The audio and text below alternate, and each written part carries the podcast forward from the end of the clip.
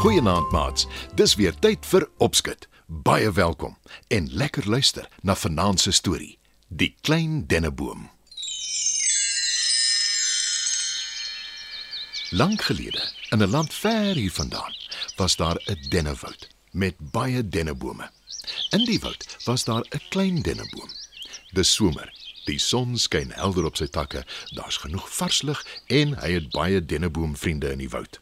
Verder kom daar dikwels kinders met mandjies om arbeie te pluk. Wat 'n pragtige klein boom is dit nie? Sê een en 'n ander beamoen. Mooier as al die ander. Hulle merk altyd op hoe mooi die klein denneboompie is. En hy geniet dit om hulle te hoor lag en gesels. Maar tog is hy nie gelukkig nie, want hy bly klein en hy wil 'n groot boom wees, soos die ander bome in die woud. Kan ek nie ook groei en groot word soos julle nie? Sê hy dikwels vir die bome om hom. Jy sal nog groei, jy moet net geduld hê. Antwoord een van hulle. Maar die boompie bly ongelukkig. Ek wil ook takke hê wat hoog bo in die lug uitreik. Ek wil ook sien wat om my aangaan. Ek wil hê voëls moet nes maak in my takke. sê hy. Dit word winter en die sneeu lê dik op die grond. Maar steeds bly die boompie klein. Hoekom groei jy nie soos die ander bome nie? Wil 'n haas wat in die woud bly by hom weet. Die klein denneboom vererg hom en sê: Ek weet nie en moet dit asseblief nie nog invryf ook nie. "Elke lente kom daar houtkappers en saag van die groot dennebome af en vat hulle weg. Waar gaan die bome heen? Wat word van hulle? Wil die klein boompie by die swaalkies en ooevaars weet wanneer die groot bome op waans gelaai word en weggery word. Die swaalkies weet nie, maar een van die ooevaars vertel hom. Mense gebruik die bome om maste te maak vir hulle bote. Hulle reis ver en wyd oor die see. Hoe lyk die see? Wil die boompie weet. En toe die ooevaar hom vertel, sug hy. Hoe gelukkig is hulle nie om ver en wyd oor die see te reis nie. sê die boompie. Nog 'n winter breek aan en die keer word van die kleiner bome afgekap. Maar die klein denneboom word weer 'n keer oorgeslaan. Waarheen vat die mense die kleiner bome? Vra die denneboompie. En een van die swaalkies vertel hom. Dis Kersfees. Mense sit klein dennebome in hulle huise en versier hulle met die mooiste, blinkste ornamente. Daar is ook liggies in die bome en daar hang lekkernye aan die takke, soos koekies. Dan sit hulle die geskenke onder die bome. Die klein denneboom wil huil. Hoekom is ek nie ook gekies nie? Kla hy. En die swaalkie antwoord: Wees liewe net bly oor wat jy het en hou op om te kla.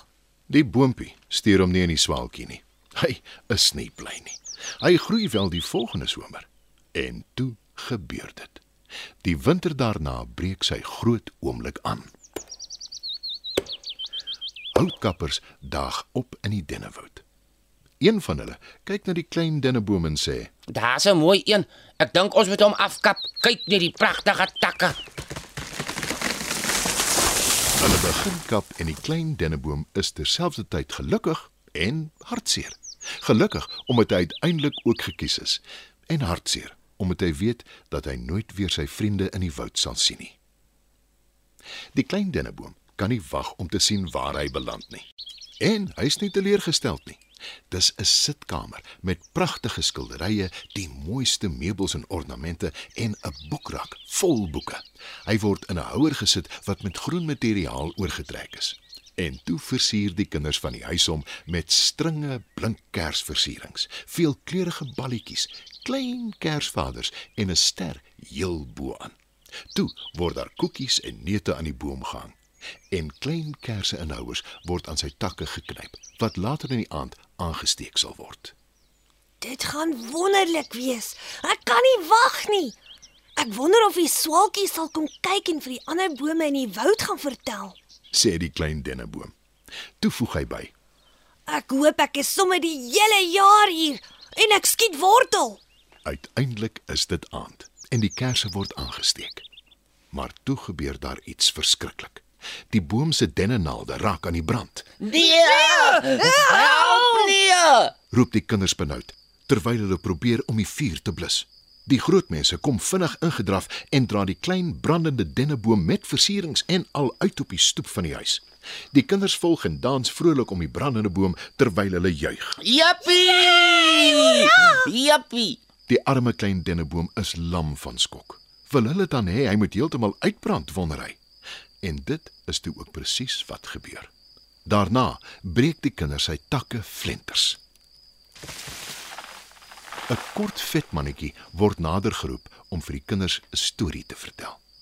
Niemand steur hulle aan die hartseer uitgebrande klein denneboom nie. Daarna gaan almal terug in die huis in en die boom bly alleen en vergete agter. Ek sal nie dit dit my onderkry nie. Ek het te lank hiervoor gewag. Môre is nog 'n dag. sê die hartseer boom dapper vir homself. Die volgende oggend word hy met 'n stel trappe opgesleep na die solder toe. Wat nou? Wat gaan nou met my gebeur? Wonder die boom. Dae en nagte gaan verby. Niemand kom na die solder toe nie, behalwe om tasse te kom haal of soontoe te bring. Niemand stuur hulle aan die boom nie. Hy is totaal vergete. Maar hy probeer steeds moed hou en sê: Dalk wag die mense vir die somer, wanneer dit ophou sneeu, en dan herplant hulle my. Maar toe, op 'n dag, word hy uit die solder gevat en buite in die sneeu gelos. 'n Klein muis loop verby die boom en sê: Foei tog, jou arme ou boom. Kry jy nie koud nie? Ek is nie oud nie en ek is gewoond aan die koue. antwoord die boom so waardig as wat hy kan. Die muis geroep van sy maats en hulle begin die boom nuuskierig uitvra. Ek verstaan jy was al in die huis. Hoe lyk dit daar? Is daar 'n spens vol lekkernye? Ons is te bang om so intoe te gaan. Ons wil nie gevang word nie. sê een van die muise. Die eerste een pleit. Jy ken seker mooi stories. Vertel ons daarvan asseblief. Wil die ander muis weet. Die boom vertel die muise van sy dae in die woud, van sy vriende wat maste van skepe geword het en hoe hy afgekap is en kortstondig in die huis beland het voordat hy uitgebrand het. Wat dink jy gaan nou van jou word? Wil die muis weet. Maar voordat die boom kon antwoord, verskyn die tuinier met 'n byl en hy kap die boom op in klein stompe. Daarna word daar vuur gemaak met die stompe en die kinders dans vrolik om die vuur rond. En dit is dan die einde van die klein denneboom wat te laat gewens het. Hy het liewer in die woud gebly.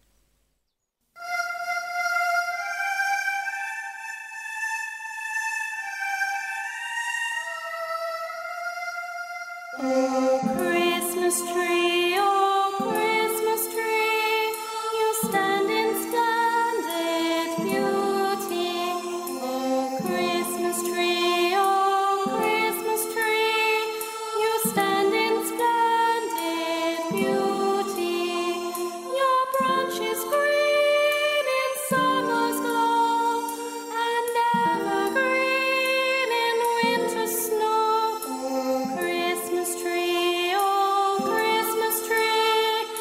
understand.